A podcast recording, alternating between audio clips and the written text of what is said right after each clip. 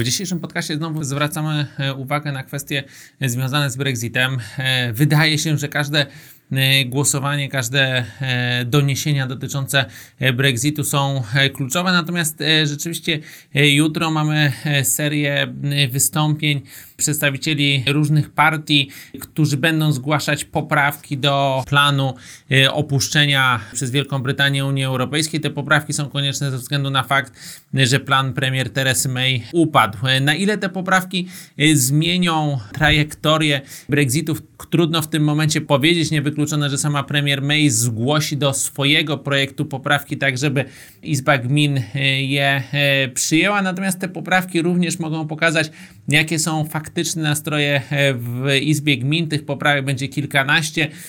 Niewykluczone, czy niekoniecznie one wszystkie muszą być głosowane, dlatego że to zależy od speakera Izby gmin, które będą poddane e, pod dyskusję, niekoniecznie nawet te, które zdobędą wystarczającą liczbę głosów, e, staną się prawem, ale te jutrzejsze głosowania są ważne, zwłaszcza w kontekście backstopu. Co z backstopem?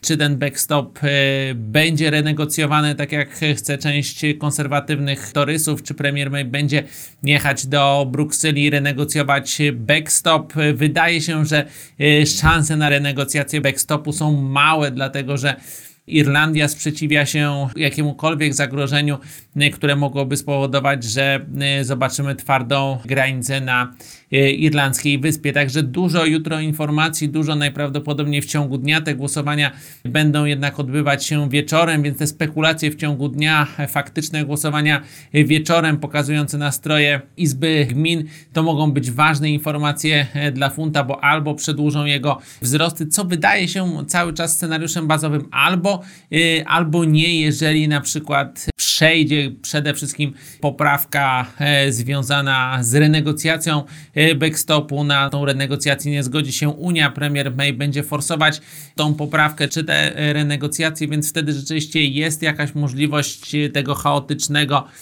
Brexitu, gdyby żadna ze stron nie doszła do porozumienia. Natomiast inne elementy, inne sugestie, inne informacje raczej wskazują na, na to, że ten chaotyczny Brexit zostanie uniknięty, a potem będą rozmowy dotyczące przyszłych relacji handlowych od y, takich dość płytkich y, na zasadzie y, kanadyjskiej do głębokich y, tak zwanego wariantu norweskiego plus, czyli wspólny rynek oraz y, Unia Celna, a być może nawet kolejnego referendum i, i pozostania wewnątrz, y, wewnątrz Unii Wielkiej Brytanii.